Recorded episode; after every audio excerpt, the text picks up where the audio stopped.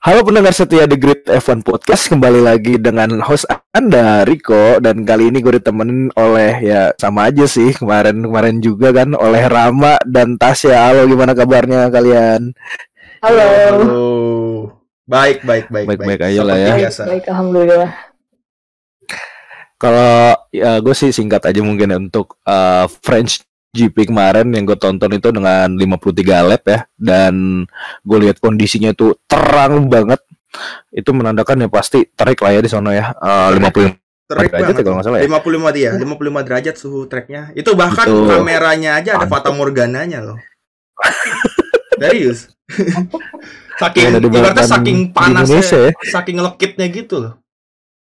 Gila itu Gila wave-nya sih. parah sih Iya. yang Wave. di mana Heat wave. ya kit- udah heat waves terus wind current juga uh, lumayan kenceng ya Main kenceng ya bener. membuat membuat beberapa driver tuh kayak kehilangan inilah kayak stability-nya gitu dan ya harus balikin mobilnya dengan secara sempurna biar nggak nabrak ya nggak tahu sih kemarin Kayak, kayak siapa banget sih? Kalau kalau sempurna terjadi. kayak kayak siapa emang?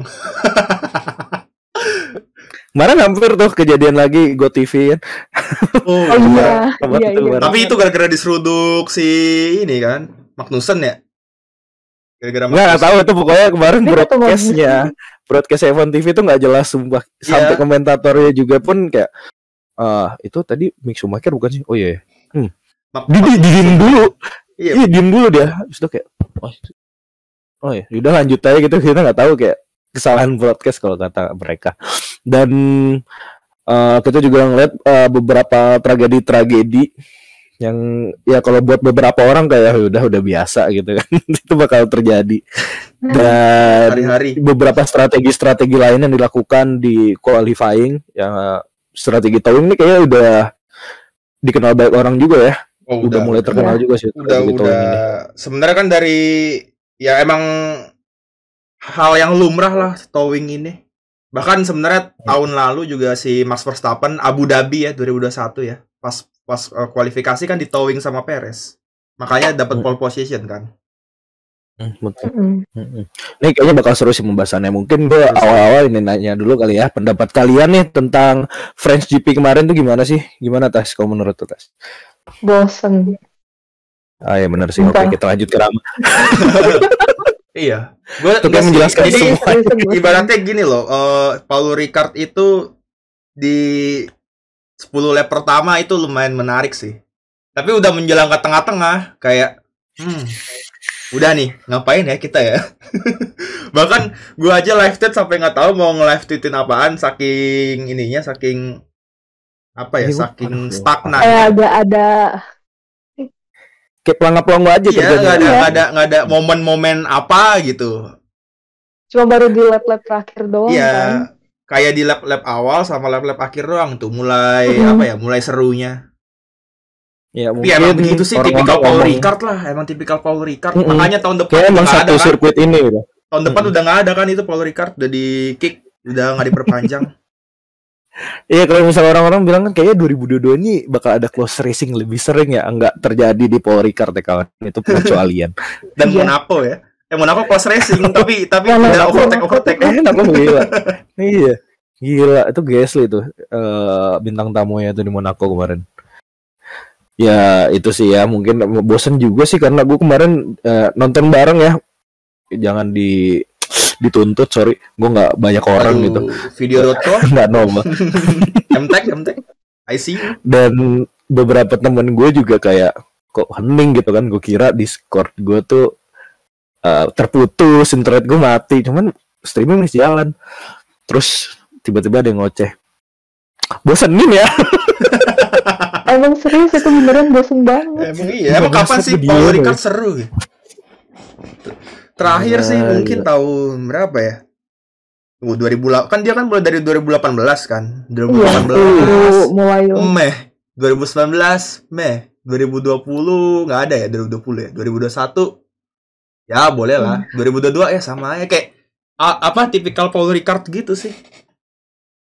Iya yang di mana prestasi yang membosankan. orang-orang dengan bilang kayak strike line-nya bagus ini loh. Kayak panjang ya ada satu tim ya oh ini dia bakal dominasi di sini karena strike line-nya strike line speed-nya bagus.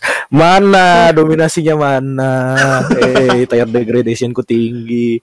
Tidak bisa dapat pace. Tapi karena ditambah ya itu tadi suhu track 55 derajat.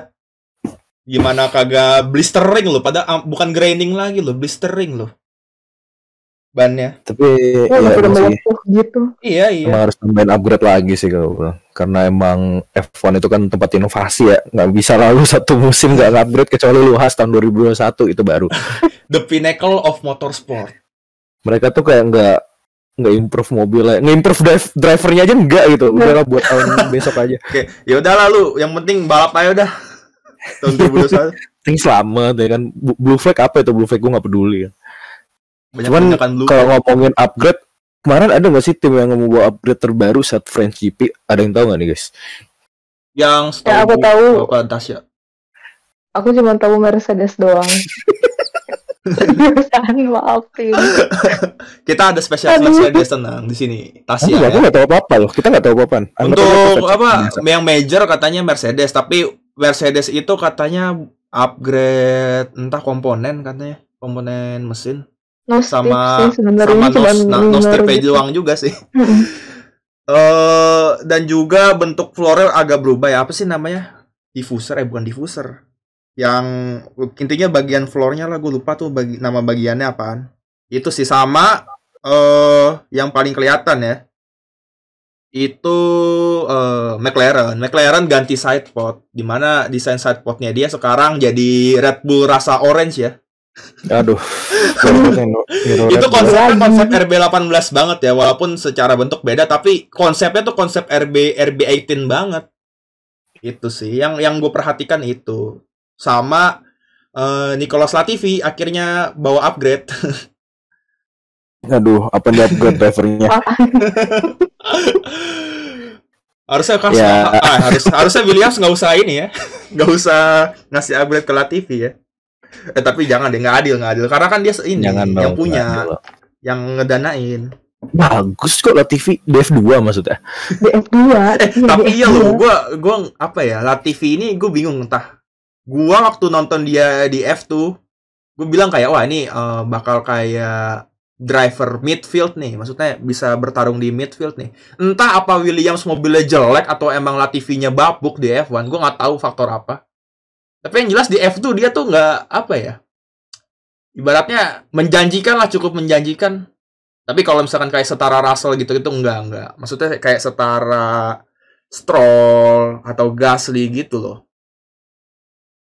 Kayaknya emang dia tuh harus dikasih mobil yang agak kencengan sih. Yang beneran di midfield gitu. Williams Atau tuh udah nggak- jadi Iya, ya, dikasih karena race lain Latifi juga belum pernah ngebuktiin kan kalau dia di mobil yang kayak di midfield kan. Selama ini dia di mobil bottom bottom two mulu kan. iya. Iya sih. Mungkin andai eh, Latifi ke McLaren gitu. Andai ya, andai. andai TV belajar dari Russell ya dengan kemampuan adaptasinya mobil-mobil payah cuman dia berhasil sih ya nggak tahu itu Iya, karena ya. apa aja sih faktor yang gue bilang tadi, talent secara talent beda Latifi sama si Russell. hmm driving style juga berpengaruh Itu gede sih Iya. karena driving style lu akan mempengaruhi setup tuh terus di awal season itu kalau nggak salah juga mempengaruhi desain mobilnya juga kan Ya kita itu mau ngarah ke mana nih mobil kan mau agak oversteer atau understeer kita Iya. mau lebih ke low speed corner atau apa itu kan juga berpengaruh. Tergantung ya mungkin nggak jelas aja kali ya. ini ya tergantung preferensi gaya balap dari driver masing-masing. Mm-mm, itu betul banget. Dan kalau kita ngomongin desain mobil dan permasalahan mobil lainnya kita ngomongin mobil Leclerc kali ya seru gue aduh gue tuh pas kemarin nonton ya gue pas Eh. kemarin nonton tuh kayak mikir ini kayak Ferrari ada masalah lagi nih tapi bukan di sense sense soalnya ganti ya Mesin kan? udah ganti Iya. ganti mesin apa komponennya baru semua kan mustahil kalau Hmm. itu meledak nggak mungkin dong masa ya baru meledak ya kan iya betul banget Itu berarti parah banget kalau misalkan sampai iya kalau kalau sampai baru semua meledak ya untungnya enggak gitu kan Mm-mm, dan kemarin juga gue ngeliat uh, battle Verstappen dan Leclerc gitu, gue ngeliat uh, Verstappen tuh nggak berapa kali gitu dan susah banget buat ya tembus ya. overtake uh, Leclerc. Dan di mana akhirnya Verstappen nyerah karena harus manage tire-nya. Ya overheat uh, overheat juga kan katanya. Mm-mm. dan ditinggal sampai beberapa gap yaudah boring kan? Kita kayak oh yaudahlah ini paling Leclerc lah menang. Eng eng nabrak gitu. Terus permasalahannya masih sama dengan Austria kemarin. Throttle-nya itu kalau nggak salah ya? tuh Yang apa ngestak ngestak katanya dia nggak bisa naikin. nggak bisa naiki apa sih? Ngegas terus Gitu nggak kan. bisa diangkat. Ngegas terus. Nggak bisa di lossin itu. Ibaratnya dol pas lah lost dol lost dol Mm-mm, pas masuk corner dia gara nggak bisa nyesuaiin speed dan ada kayak katanya tuh ada dirty uh, part juga di bannya ya. Nggak tahu juga sih yang membuat dia loss lah terus akhirnya nabrak. Ya ya dengan hal tersebut kayaknya wajar sih kalau misalnya Leclerc harusnya terapi sekarang. Psikolog. Harusnya disocok buat itu. Udah gitu dia pas harusnya tiap wawancara. pembalap, kenapa kenapa harusnya tiap pembalap tuh harus ini loh. Apa? kayak punya terapinya pribadi gitu. Terapis. Maksudnya itu psikolog pribadi. Kayaknya kayak iya gimana gitu tuh kayaknya wajib ya apalagi Ferrari nih kayaknya. Ya Ferrari. Paling wajib tuh Ferrari. Paling wajib Ferrari. Mungkin mungkin satu orang nggak cukup Bang. harus harus paguyuban mungkin ya. Masalahnya kan juga kalau misalnya dalam terapi itu kita iniin trauma kan mesti diperbaiki atau enggak live with it gitu loh. Kita berdampingan hidupnya dan dia berdampingan dengan mobil yang sekarang. Kayak susah sih buat susah dia buat kayak ngatasin trauma dia. dia dia pasti mikir kayak aduh mending gue pindah tim gak sih pasti dia ada kepikiran gitu sih gue yakin tuh Iya makanya kayak aduh Leclerc nih sebenarnya emang dengan pace-nya dan juga driving style sih udah lumayan bagus ya. Bisa nyesuaiin banget dengan mobil yang sekarang dan dia berhasil apa ya, membuktikan hal tersebut dengan beberapa lap. betul. Tapi ini sih maksudnya eh, apa ya namanya dia tuh kehilangan grip juga kan? Ban belakangnya ya? Iya ban belakangnya. Ban belakangnya kehilangan grip terus ya udah tuh udah udah udah kayak gitu mah gimana anjir? Udah nggak udah nggak ada kesempatan buat apa ya runway-nya kan kecil kan kalau di Paul Ricard tuh yang terutama yang turn Leclerc eh, nge- nabrak itu Dia nggak ada gravel juga nggak sih? ada gravel nggak ada ada, Ada gravel. gravel. di di di turn Oh ya? tertentu doang di turn tertentu doang oke itu si Leclerc kan kalau nggak salah di gravel ya gravel gravel area gitu apa enggak ya gue lupa dah enggak enggak enggak kalau yang merah-merahnya ya yang zona merah ya Mm-mm. di zona merah Kan dia nabraknya agak-agak ini sih kemarin. Nggak bisa balik lagi ke race-nya. Iya gua, gua kira dia udah nyoba buat mundur sih. Iya dan tapi ya ya, gimana bagus udah mau dilanjutin juga udah hancur itu ban kanan ban kanan depan. Udah nggak bisa tapi emang nggak tahu ya. Nggak tahu gue Gua- gimana dah Ferrari dah. Gue habis pikir sih, maksud gue di Austria tuh kemarin problem throttle itu emang benar-benar serius banget loh. Bisa aja dia kalah dari Verstappen di Austria kemarin. iya menurut Dan gua kalau ada tuh ya dua lap tersisa pasti kalah itu karena Mm-mm. Verstappen kan udah makin deket makin deket makin deket terus kan Tapi iya gue mikir juga mungkin aja ya throttle pedal itu sebenarnya udah diselesaikan masalahnya. Kan mereka juga melalui FP1 sampai FP3 dan qualifying. Mereka tuh nggak nggak punya permasalahan gitu sama mobilnya. Selalu saat race terjadi. Selalu banget. gue juga agak kurang paham ya dengan technical failure-nya dari Ferrari. Karena mereka harusnya kan dalam FP1 sampai FP3 kan mereka kan nyoba harusnya minimal simulation ini kan. Simulation race. Mungkin Mitigasi saat saat eh, free practice nggak ada masalah, tapi saat race kan pressure-nya beda. Ibaratnya lu nge neken neken gas itu pressure-nya beda saat lu eh, free practice gitu loh. Mm-mm. Mungkin tegang Betul. atau gimana, tapi ya mau tegang gimana ya orang kagak under pressure juga sih. Tiba-tiba nabrak kayak udah kayak Francesco Bernoulli anjir. Di film Iya. kelas 3. Dan itu juga yang karena panas juga ya, yang buat bannya juga agak kurang grip, overheating juga.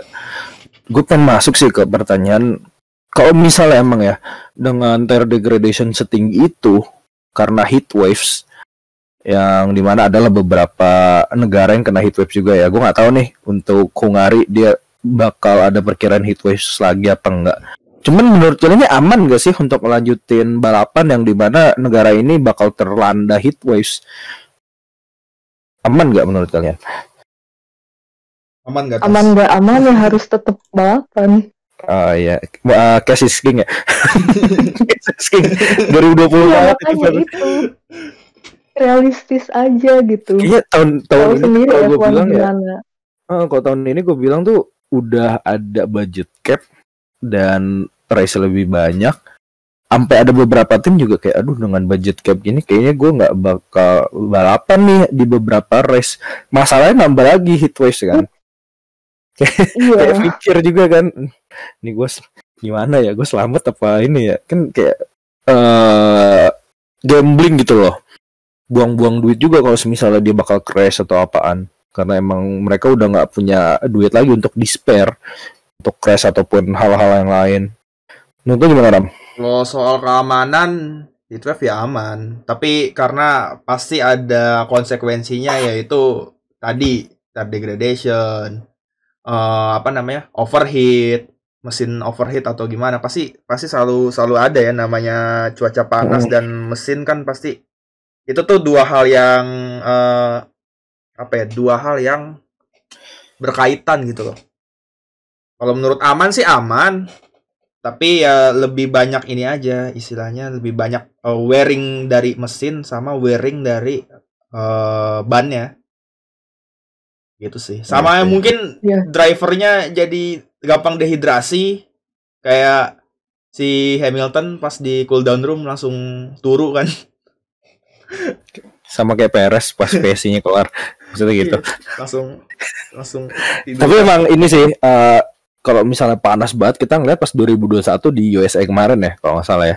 Itu juga panas-panas banget itu terik banget dan ada salah satu driver yang di mana selang minumannya tuh nggak berfungsi. Itu Perez ya kalau nggak salah ya tahun 2021 ya. Eh, bukan deh kalau nggak salah. Giovinazzi bukan sih? Bukan Perez ya. Jujur lupa Aku juga lupa sih. kalau nggak salah sih Perez dia tuh lap berapa gitu pokoknya eh, sistem drinknya itu rusak dan dia harus finish race dia dapat podium nggak nggak salah P3 dan Perez berarti dia- kali ya kalau misalkan dapat podium iya. Kayaknya Ceko. Mm-mm. Oh. dan dia ini kan bilang itu selang selangnya copot kan mm-mm. dari tangki bayangin aja itu dengan eh, udara panas terus lu fokusnya masih tinggi itu harus buat minum air sih.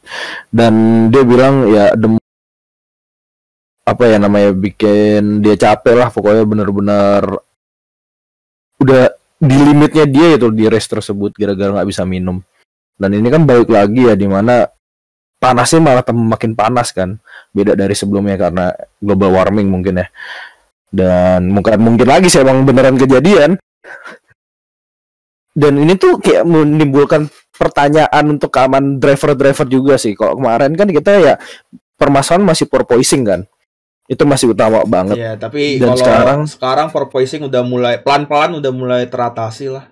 Mm-mm. dan sekarang ya permasalahannya adalah kesehatan driver ya dari ya itu dehidrasinya ataupun engine safety-nya dan lain sebagainya itu sih ya kalau misalnya ngomongin safety ya driver safety sih emang penting sih Tapi sih kayaknya ya, heat waves ini nggak akan lama sih.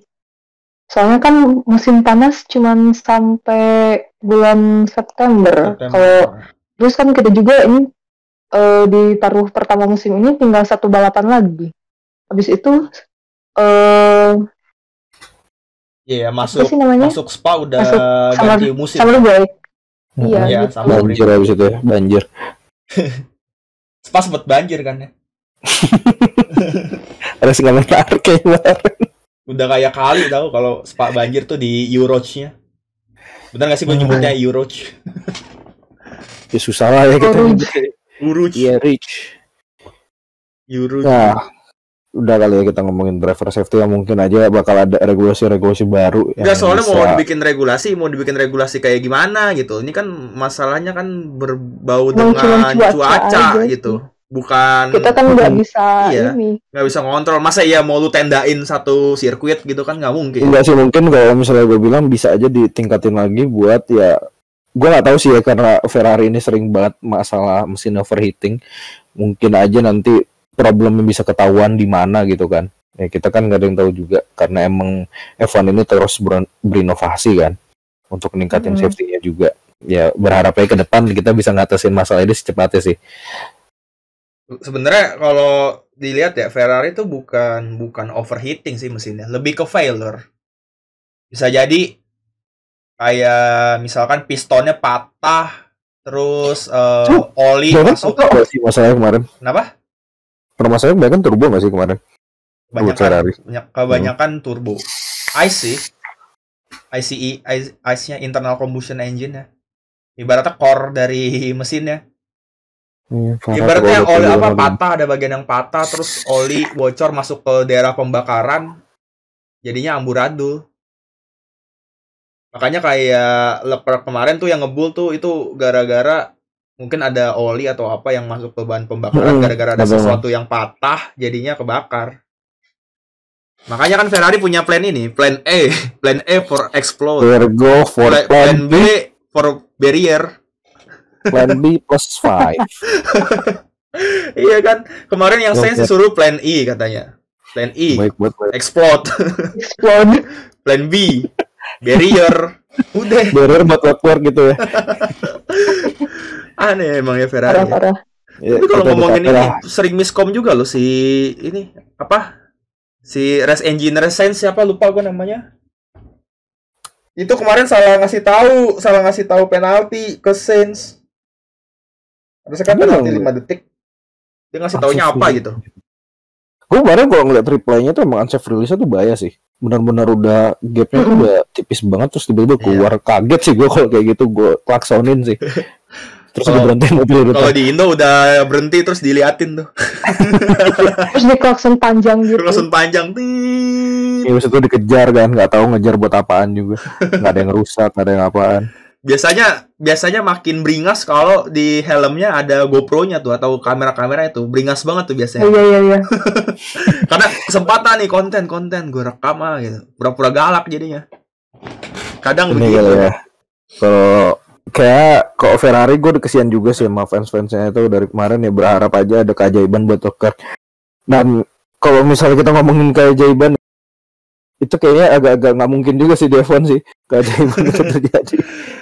Cuman kalau gue ngeliat ya, 63 poin keajaiban gimana ya? 36 poin aja udah susah dikejar apalagi Betul, 63 betul, poin.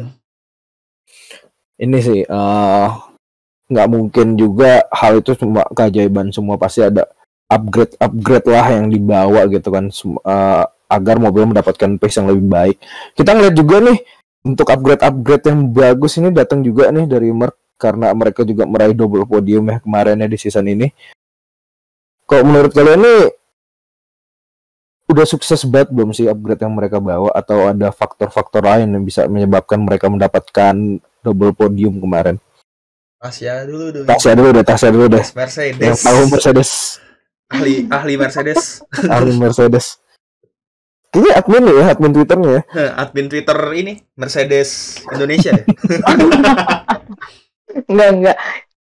Kalau kata aku sih ya, Mercedes tuh kayak gak terlalu kelihatan gitu tiap mereka bawa update tuh. Hmm. Soalnya kayak antara di eh, qualifying sama mereka waktu lagi di race, itu tuh pace mereka tuh beda. Bener Di bener. data statistik tuh, kalau gak salah, Ferrari itu paling cepat. Red Bull itu bedanya cuma 0,01 detik daripada Ferrari kalau gak salah. Mm-mm. Dan Mercedes itu kalau gak salah hampir satu detik bedanya sama Ferrari. Nah, ya itu kan cuman statistiknya doang kan. Kalau lagi race kan beda lagi. Ada faktor-faktor lain kan. Nah, Iya betul. eh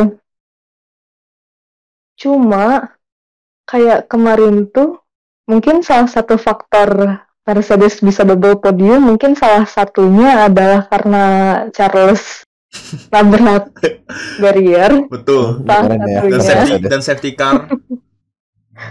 yang Safety kedua car, tuh VSC. tapi yang Charles kedua tuh Kedua? Charles itu emang beneran fighting gitu buat dapat podium. Karena kalau nggak salah juga kemarin katanya eh Ceko lagi ini ya, lagi coba-coba settingan baru ya. coba settingan baru dia karena dia Iya, di Ceko makanya- itu prefer understeer kan Mm-mm, Mm-mm. betul Max itu oversteer deh Mm. Nah, makanya kemarin tesnya Ceko agak kurang kan dibanding sama Carlos at- atau eh, Max, Carlos atau George. Jadi ya gampang aja sih. Eh, masalahnya tuh kemarin tuh cuman waktu waktu dia moleng itu, waktu Ceko moleng. itu gampang jadi ini juga sih Udah. eh, Ceko sampai bikin klarifikasi loh di Instagramnya karena sistem VSC-nya tuh kayak ada yang salah gitu loh yang nyebabin dia kalah posisi salah kemarin. Prosedur Gue nggak ya. tahu sih ya. Salah prosedur ya. Mm-mm. kayak salah prosedur gitu dibilang. Karena karena Russell udah kencang dari belakang. Ya Iya. sama kayak Max lah pas di Abu Dhabi. itu taktik loh, itu taktiknya cerdas iya banget iya sih. iya. Itu emang bener-bener menurut gua kayak Russell nemuin celah dari eh prosedurnya VSC deh. Kayak bener-bener udah kencang banget udah kencang terus eh, restart udah kayak gampang banget kan salibnya Mm-mm. Aku nah tapi awalnya tuh aku mikir George tuh dapat ini loh kayak mesinnya tuh bermasalah soalnya dia lambat banget waktu sebelum eh, VSC ending gitu. Dia jadi kan kayak dia melambat dulu. Lah taunya ternyata taktik. Tahu-tahu Iya. dia udah nyalip Ceko aja gitu. dia ngambil Gampang banget. exit dia ngambil exitnya duluan makanya kelihatannya lambat kan ngambil exit ngambil exitnya agak lebar terus pas eh, eh ngambil masuknya agak lebar pas ngambil exitnya ke dalam jadi lebih apa sih namanya kalau secara eh, Racing line. racing line lebih diuntungkan Iya sih itu salah satu faktornya. Kan kalau gua ngelihat Mercedes bener kata Tasya tadi salah satu faktornya ya itu Carlo apa si Charles si Leclerc itu DNF itu salah satu faktornya. Habis itu eh, safety car mereka dapat momentum buat ganti ban dan eh, penalti 5 detiknya Sainz sih. Kalau Sainz nggak kena penalti 5 detik, gua rasa si Nah, itu George nggak mungkin si. George nggak mungkin masuk podium deh. Karena tahu sendiri kan pas battle sama eh, Perez si Sainz udah ini banget kan maksudnya mode-mode beast banget kan. Mm-mm. Mode-mode ya nge-push lah. Sayang aja dia dapet eh, 5 second penalty tapi eh, walaupun dia nggak dapet 5 second penalty, gue masih mempertanyakan apakah dia bisa menggan apa bawa ban medium itu buat ke finish deh. Kalau nggak salah kan di lap eh tiga berapa? ya? 40-an ya. Dia mulai battle sama Perez Iya di bat eh, ya, Ah. di lap dan 40 dan itu sekian. bannya udah kepake berapa lap tuh berapa belas lap. Gue kayak hmm, mempertanyakan apakah itu udah melepuh banget loh Iya udah udah blisterin dan lain-lain. Apa bisa nih? Takutnya kan takutnya tiba-tiba hilang grip.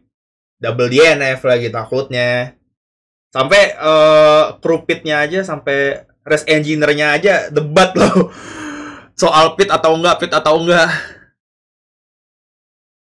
walaupun itu karena karena 5 second penaltinya si Sainz sih mesti gue masih bingung aja kenapa why cuma dengan Ferrari memang memang resiko sih takutnya ya double DNF itu Iya. kalau misalkan seandainya Carlos tetap stay di track Iya. Tapi walaupun mungkin ada 5 second nggak 5 second, mungkin better sebetter betternya P4 kali ya, nyali Perez kali ya. ya kayaknya P4 sih Karena gini loh orang-orang ngebahas kan si tuh Carlos tuh start pakai ban medium apa hard? Hard kan?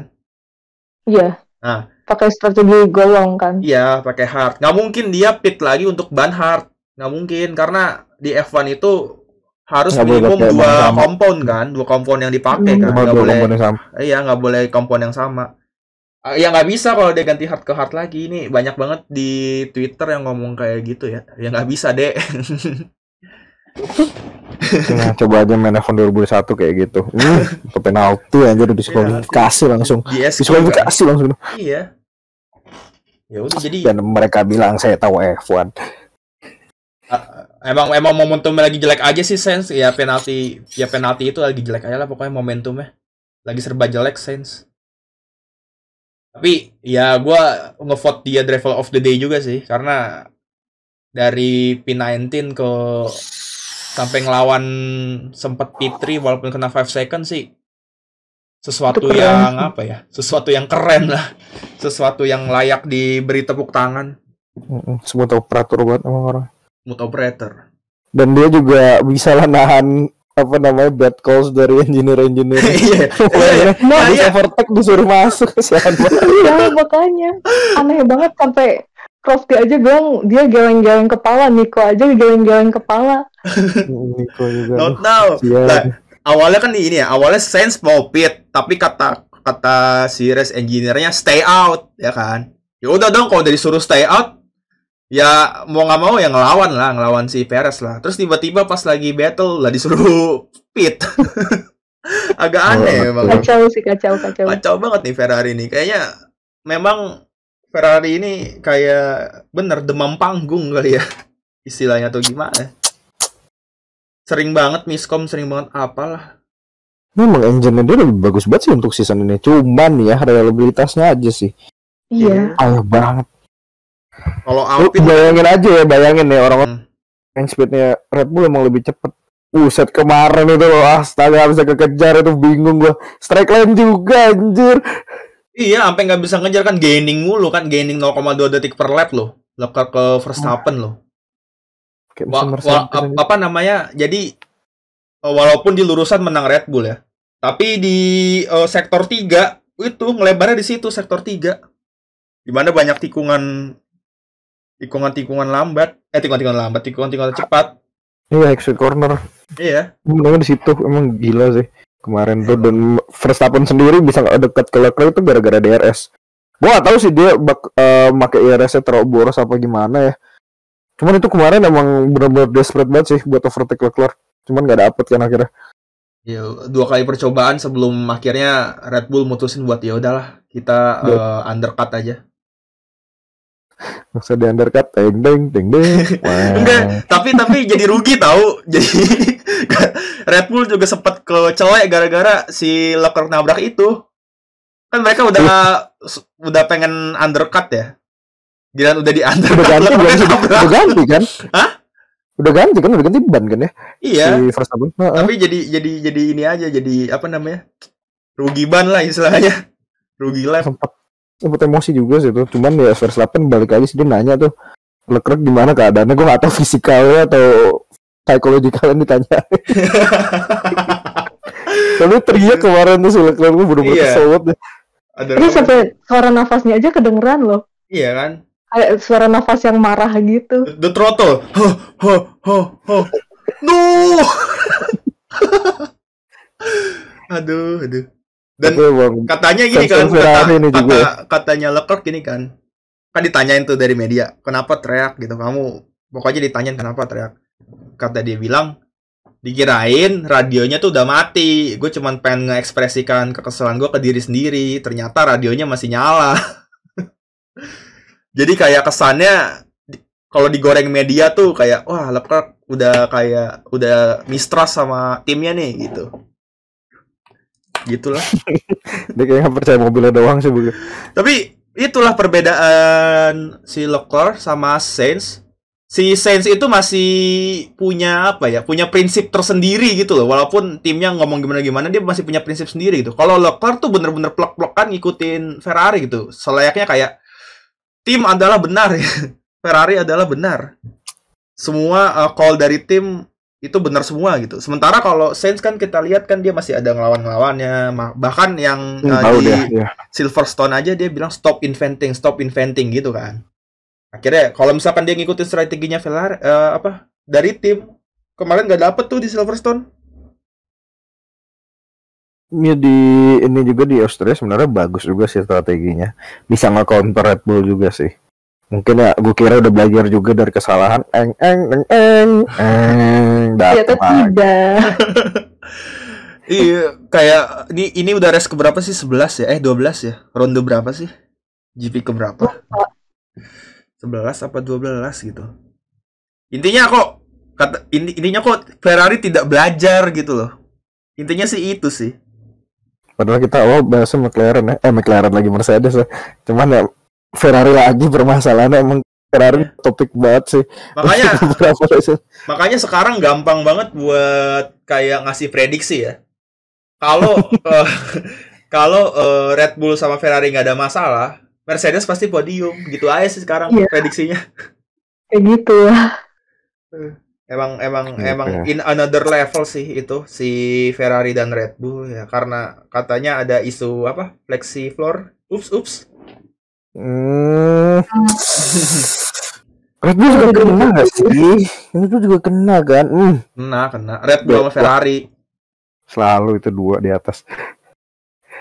Cuman kalau lihat ya, lihat lagi PU-PU Mercedes nih yang awal-awal bagus tapi pas di race ternyata payah banget. Kita ngelihat ada McLaren yang kemarin mencapai double points lagi ya.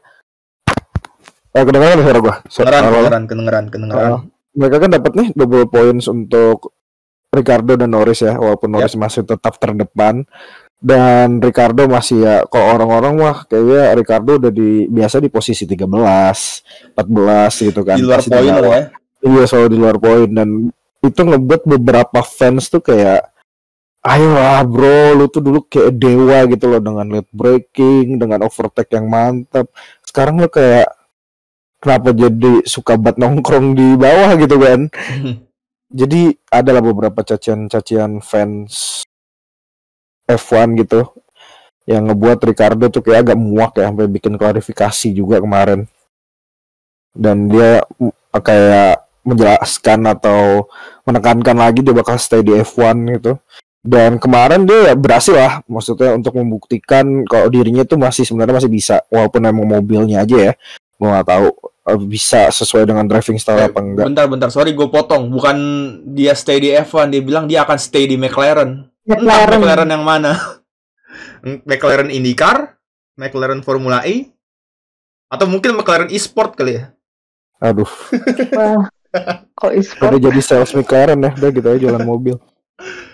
Kan dia katanya merchandise lebih bagus desainnya dia kan. Nah yaudah coba di situ lah jualan merchandise McLaren. Jadi jadi ini jadi merek dagang ya? Cuman emang beberapa hal tersebut kayak jadiin motivasi sih ya. Kalau gue bilang ya buat Ricardo juga. Dan Harusnya sih. dia kayak berusaha banget sih kemarin untuk tetap mempertahankan posisi yang di mana dia bisa dapetin poin. Iya kan? Mm-mm, betul. 9 tapi kalau menurut gua ya harusnya sih harusnya tuh ke 8 tahu. Menurut gua ya. Jadi ke Kayak gitu. 8. Harusnya ya kalau bisa ya. Karena eh, ya lagi-lagi sih ini eh, kemarin nggak terlalu disorot ya sama eh, apa namanya TV broadcaster ya. Mm-mm. itu tuh pas gue lihat waktu ya ini orang kenapa kenapa menjauh dari Norris terus tiba-tiba disalip Ocon terus ya udah kayak kayak wah harusnya lu bisa ke 8 gitu loh 78 bahkan kalau lu berani kalau lu berani ya minta tim order atau nyalip Norris lah Hmm, tim order. Hmm. Waduh. minta tim order itu kan hal-hal yang sensitif banget ya kalau kita denger rasanya nggak adil aja gitu cuman kayak perlu ya ya perlu harus. Karena kan kalau F1 kan ya berdasarkan statistik kalau lu lebih pelan ya lu akan menghambat gitu loh. Suka nggak suka lu harus nurut. Karena kan keputusan itu berdasarkan data statistik kan. ini kayak mereka tuh kayak let them race ya kan oke Weber Vettel let them race let's go Multi 21. Bentar. Multi 21 loh. ya karena kan kita nggak tahu ya tuh driver tuh lagi ngerasain apa juga dia lagi agresif atau apaan Iya. dan dia nggak mikirin kayak nggak punya situational awareness juga takutnya Adrenalinnya lagi tinggi-tingginya ibaratnya. Mm, dan dia buat rugi tim kan ribet juga kan ya udahlah mending kasih tim order biar mereka patuh dan race berjalan lancar cuman emang beberapa race juga kayaknya Ricardo tuh suka ngomong kayak eh pace gue lebih cepat daripada Norris itu pas kapan ya Azerbaijan bukan sih Iya. Monaco Ya, juga Mu- bukan. Dia dia sering tahu ngomong kayak gitu. Ya, cuman nggak Sering terbukti ngomong kayak gitu. Let let me through, let me through. So kayak gitu. Gue nggak tahu sih emang kayaknya pressure-nya dia tuh emang gede banget. Ya mungkin karena dia dilihatnya dulu jago banget di Red Bull ya. Dan orang-orang pengen lihat hal tersebut kejadian lagi. Ya kayaknya nggak sekarang sih mungkin lain lain kali lah ya kalau masih di F1 Nah, udah. Menurut gue sih eh Ricardo udah abis sih menurut gue. Karena sudah terbukti di Renault, sudah terbukti di McLaren. Dia mau buktiin di mana lagi di F1. Kalau Ah, dia itu kalau dia itu driver yang bisa compete gitu dan bisa konsisten itu. Yang penting kan Mm-mm, terus di bisa. F1 itu kan sebenarnya yang paling penting kekonsistenan itu kan Konsisten. lu oke lu eh, musim kemarin bisa juara di Monza tapi race-race berikutnya sama race-race sebelumnya kan lu kadang finish peringkat 10, 9, bahkan lu nggak dapet poin gitu kan yang penting kan konsisten nah gue nggak gue nggak ngeliat si Ricardo ini bisa konsisten lagi gitu untuk sekarang mungkin bisa coba ke ini kali ya nanti McLaren IndyCar mungkin ya Nah iya, Kayaknya lebih Bener. cocok deh. Kayaknya lebih cocok deh si eh, siapa? Daniel di situ. Atau enggak udah ke Daniel, Hah? ya aku juga mikir kayak dari waktu awal-awal musim ya, aku tuh udah mikir mending Daniel tuh ke IndyCar aja, kalau enggak ya ke NASCAR kayak ya pokoknya selain F1 aja atau enggak di Amerika gitu karena Daniel itu Daniel loves Amerika Iya gitu. betul betul betul. Apalagi pas dia nyobain pas nyobain mobil apa NASCAR Bel pas. Amerika GP kemarin tuh kota di Mm-mm. kota. Itu kan setengah setengah mati kan dia udah kayak anak kecil dikasih permen kan. Iya kan dia juga kan pakai nomor tiga itu karena Dale Earnhardt juga Iya kan, benar-benar Dale Earnhardt Junior. gitu.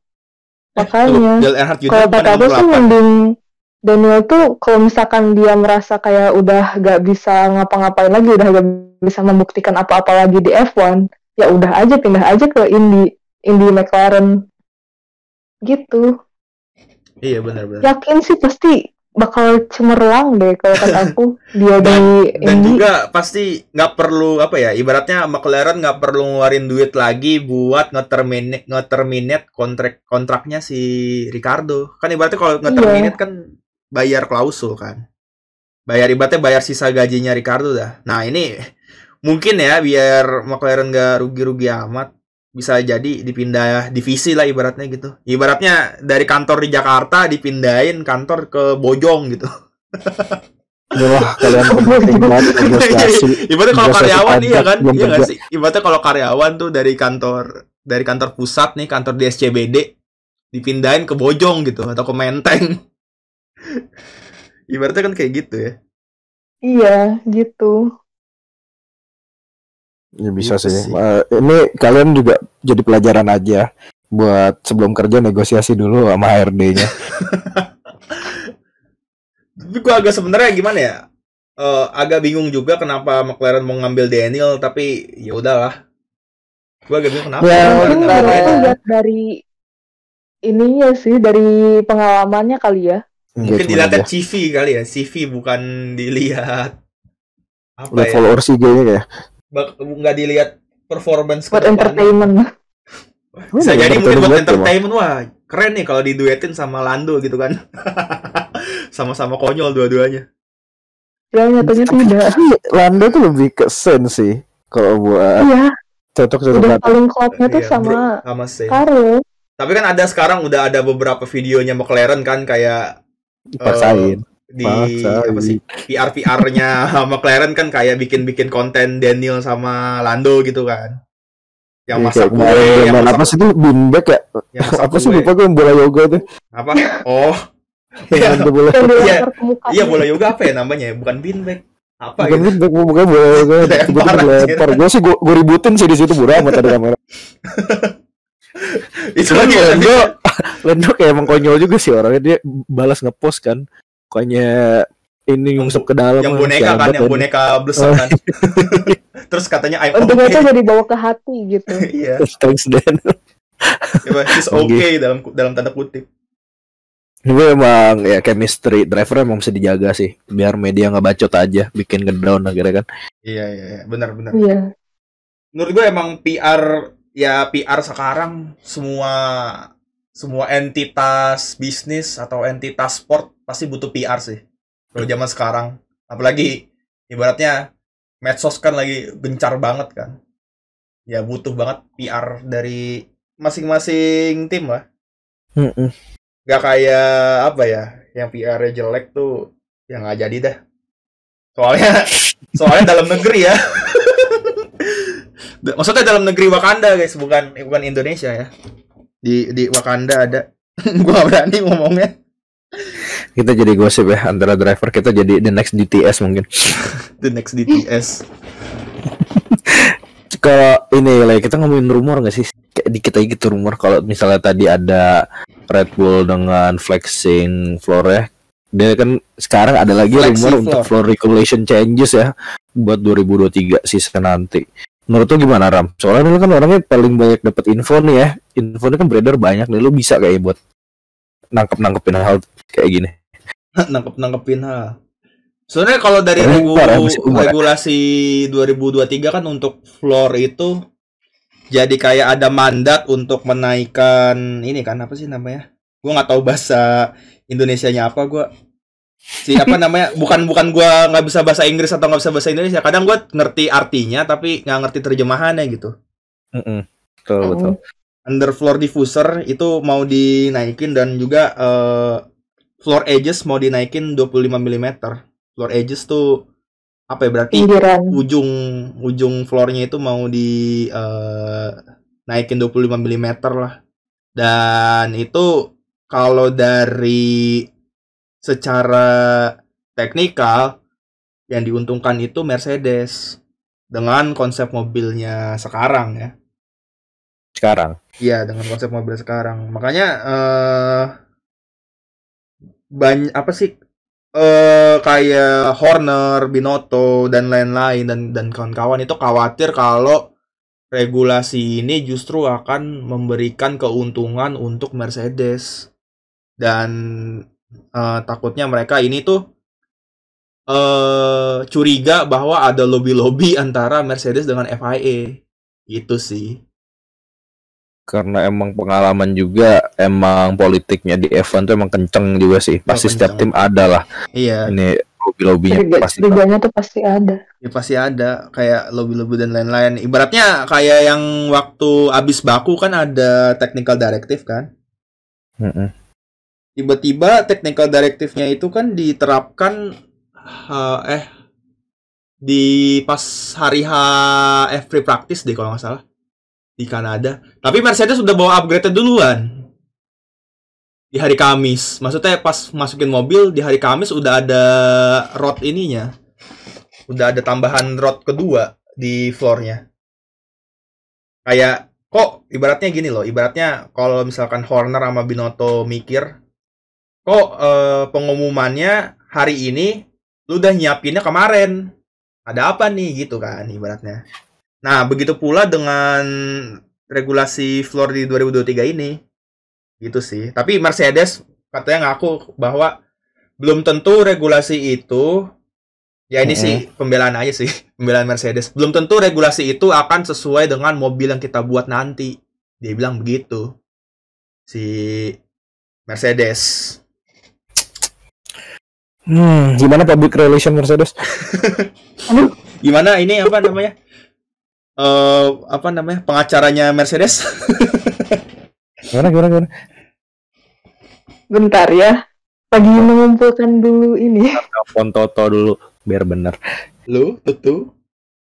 Sumpah sih sebenarnya waktu aku baca berita ini, berita tentang regulasi baru ini, regula- reg- regulasi floor baru ini, tangan muntah sumpah. Seriusan tangan muntah. Pengen muntahnya?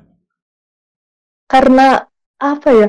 Ini tuh masalahnya tuh kayak Mercedes tuh dia yang punya masalah masalah porpoising ini. Mm-mm. Cuma karena kayak gak mau gak mau apa sih Ganti namanya? konsep ya. hilang konsepnya dirubah lagi Iya. Eh, kayak mereka tuh kayak gak mau sendirian gitu yang ininya tuh apa sih? Strugglingnya. Tuh Iya, nah itu ujungnya tuh pengen ngajak-ngajak yang lain gitu. Masalahnya tuh kayak gitu, kayak kelihatannya. Makanya kayak ah. Sorry. Udah, nggak Ya, apa-apa. sumpah aku udah bingung banget. Udah, pokoknya waktu tadi aku baca beritanya tuh penjelasannya udah kayak ah dasar kayak tipikal Mercedes lagi gitu. Kalau udah gitu ya. capek boleh Udah pindah sih ke. Red Bull sih. Oh enggak makasih. Tapi entah kenapa Atau ya, enggak, gua gua di apa namanya? Dari dulu ya waktu gua ibaratnya waktu Hamilton ngelewatin rekornya Vettel itu gue mulai suka Hamilton di situ tuh. Tapi gue juga suka sama Verstappen karena ini anak masih muda, terus agresif banget nih. Jadi kayak eh, pas 2021 kemarin gua gua tuh apa ya namanya ya? eh stresnya atau traumanya tuh bukan gara-gara gue benci Max atau gue cinta banget sama Hamilton tapi ya gara-gara kaget aja gitu pas ya udahlah ngomongin Abu Dhabi lagi anjir Ah udah capek gua. Gue gak Setiap ngomongin podcast- sih. setiap podcast gue ngomongin mulu ya kelihatan banget gue nggak move on ya Apa namanya Dah, juga trauma. oh iya apa namanya? Di di Spa nanti juga lagi mau diselidikin lagi kan eh, floornya Ferrari sama Red Bull kan? Katanya mau dikasih apa ya?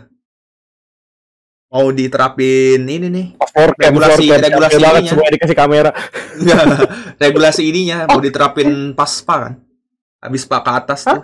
Pas Spa mau dicoba. Atau mau diinvestigasi gitu selama summer Oh. gua gua nggak tahu dah gimana tuh. Gua agak kurang info juga. Entah regulasi 2023 pengen maksudnya floor yang ini nih floor yang sekarang pengen diterapin di abis spa itu atau kayak ada regulasi lain. Gua gua jujur gua belum baca sampai situ sih. Ya, intinya kita masih inilah pokoknya untuk info-info ini masih minim-minim juga ya untuk detail-detail mendalamnya. Ya intinya menunggu summer break aja Iya. setelah summer break entah itu gimana jadinya Karena kalian tetap pantengin terus ya Twitter Twitter The Great F1 karena IG-nya nggak aktif. IG-nya IG. IG-nya cuman repost story dari akun-akun F1 doang ya guys ya. Kalau di IG tuh kerjaan gue ya kalau ada Facebook meme F1 lucu gue post. Kalau nggak ya udah gue diemin. Tapi gue udah lagi ini kok nanti ada segmen baru guys dari The Grid ya yang apa ya? Gue nggak tahu yang ngasih namanya apa ya. Jadi ini kayak istilahnya bimbel F1 lah ya. Waduh. Ini Bimbel buat F1. para para desainer yang baru merintis karir boleh banget sih ngirim CV kalian ke email The Great. Kita punya email nggak sih? punya dong. Oh, punya. kira nggak punya kan? Ya mungkin aja ya, mungkin aja. Itu cuman eh, itu buat hal nanti lah ya. Ini juga episode udah lumayan panjang ya. Udah melebihi waktu tidur gue Atau juga atau sih. atau nanggung nih kita biar satu jam nih karena 7 menit lagi satu jam nih. Apa kita Mampus. mau bahas eh, preview Keren. Gimana? Aduh, tujuh jam udah. Singkat aja, singkat aja kali ya. Singkat aja kali ya. Di Hungari. Siapa yang bakal ngelok bannya kali ini kawan-kawan? Tapi kalau dari lihat Namanya dari karakteristiknya Hungari ya, lagi-lagi ini sirkuitnya Ferrari sih. Serius lu lihat aja layoutnya. Itu Ferrari banget Kalau gue gue sebenarnya setuju sih maksudnya semua fans F1 tuh tifosi. Cuman semua sirkuit sirkuit Ferrari yang cornernya banyak. Tergantung mesin aja dulu deh. Apa Yang penting enggak. intinya untuk Ferrari ya, walaupun ini sirkuit cocok banget sama mobil lo ini F175. Masalahnya yang penting lu finish dulu dah. Iya first you have to finish kalau kata abang lu dulu. Aduh, aduh.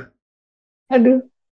Tapi ya banyak corner juga sih low speed cornernya nih yang dulu-dulu nih ya pas tahun 2021 kan tra- tragedi terjadi lah ya. Ada salah satu bocah ngelok dan Tuh, bocah ini Bowling. apa? Ngeboling ya. mm, ngeling dan Terus uh, sama fansnya yang ditabrak itu sem- apa namanya ngomongin terus kan sampai sekarang. Max tuh masih kan kalau dari sekarang. kalau nggak ada masalah tuh P1 P2 aja tuh. Kalau nggak ada masalah pasti P1 P2 yang di Hungari P9 karena masalahnya gini gini gini gini, gini lah. Udah gitu ada yang bilang sengaja lagi tuh tolol banget sumpah.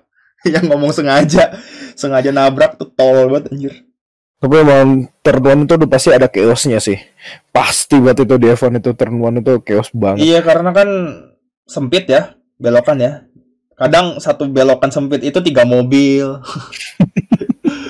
ya wajar aja kalau turn one tuh kunci dari apa ya eh, track position lah apalagi kalau ngeliat Hungari eh Udah kayak F1 lobby sih, F1 open lobby. Wah, rusuh banget sih.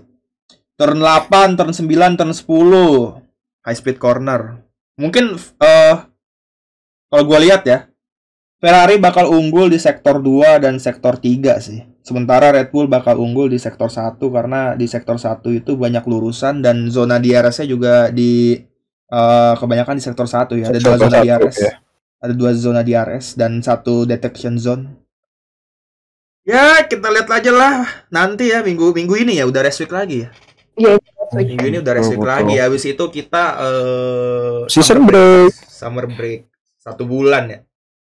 Satu bulan. Ya, bulan. Nah, lumayan Konten kreatornya ada libur lah minimal lah. Lumayan lah buat sesi baru. Enggak, enggak. Cari desainer. Aduh. Enggak maksudnya buat podcast sesi baru. Apa yang udah ngomongin ini, ngomongin ngomongin apa namanya? Mungkin recap ya. oh, wow, bi- bisa juga ya, Rika. Oh boleh, mau voice over tas, nggak apa-apa sih. Boleh, boleh. Kalau enggak udah Nah, kita bikin podcast aja habis Hungari. Nah, di situ eh, recap atau enggak? Iya bener kita kiri apa gua bikin skrip ntar Tasya jadi voice-nya. Voice Boleh. over. Ya. Riko yang edit, kalau- gue lihat juga orang lebih suka nonton yang satu menit satu menit gitu sih. Iya, iya. Kayak di real real serial gitu pas. Kalau kan sering muncul. gua mau bikin bimbel F1, istilahnya bimbel F1. Gua nggak tahu Oh, namanya apa, guys. Namanya pokoknya namanya belum dikasih tahu ya. Karena namanya sangat rahasia. Kenapa rahasia? Karena belum terpikirkan ya, guys ya. Oke. Segitu. Oke, ya, Hungari. segitu aja kali ya. Ini udah sejam juga. Gue nggak tahu sih kalian ngantuk gak sih dengerin podcast kita kan? Karena kita sendiri ngantuk. Mungkin mungkin kita di harus dikasih ini ya, harus dikasih apa sound effect gitu ya. Aduh. Aduh. Uh, nih gue mikir nih ada kon ada konten-konten meme baru kayak nih. Kemarin agak meme banget sih turisnya. Memorable ya. Kayak ini tahu itu tuh kejadiannya kayak Hockenheim Vettel 2018. Mirip Aduh. banget itu. Aduh, Lagi ngelit, lagi ngelit tiba-tiba nabrak ya kan. Dan dengan tabrakan itu eh Vet, apa namanya? poinnya Hamilton jadi makin menjauh dan Hamilton menjadi juara dunianya ya. Apakah mung atau kalau misalkan dikait-kaitin jangan-jangan jangan-jangan nih.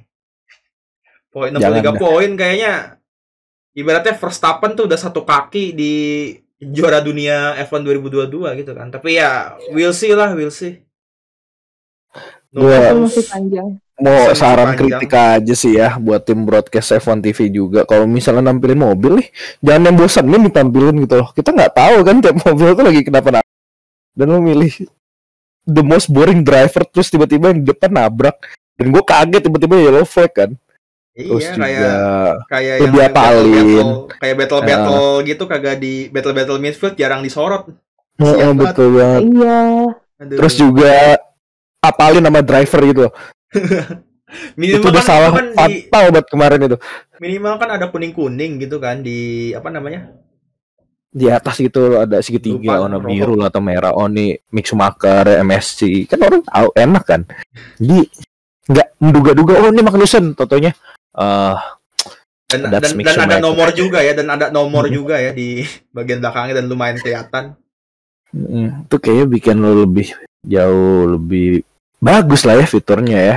Jadi orang banyak yang subscribe. Gitu loh F1 TV. Please jangan disomasi. Masalahnya kita di Indo nggak ada sih, aduh. Eh, susah Walaupun ya. ada kayaknya mahal sih. Walaupun ada, iya bener kayaknya paling sekitar 600 ribu setahun kali ya. Menunggu beli PS Plus. Oke dah. Oke oke untuk episode ini ya untuk bahas uh, French GP kayaknya udah sampai situ aja. Dan untuk informasi lebih lanjut nih buat para para fans F1 kita punya sosial media yang ada di bio kita nanti ya di descriptionnya. Kita taruh taruhin semua. Jangan lupa di follow jangan lupa YouTube kita di subscribe juga. Dengerin juga kita ada di Spotify. Dan kalau kalian nih lagi gabut lagi scroll scroll TikTok daripada ketemunya FVP yang 100 koin loncat loncat atau apa itu mending 100 koin loncat cek loncat. aja TikTok kita gitu atau nggak jam 2 pagi kalian gabut daripada ngeliatin orang pur kan Betul. Langsung aja di follow guys, jangan lupa ya. jangan lupa Karena banyak sekali, di banyak sekali eh, materi-materi atau apa ya? Istilahnya kursus gratis untuk kalian lebih ngerti F1 gitu ya. Mm-mm, jangan nonton DTS doang, tolong. Kita nggak bisa nilai suatu balapan dari gosip sih. Ya gak bisa, gak bisa. Gak bisa. Dari Oke, gosip. oke, oke. Gua Riko dan Rama Halo, dan goodbye. Tasya ingin ngomong aja sih. See you on the next race. Bye bye. Bye bye. Bye bye.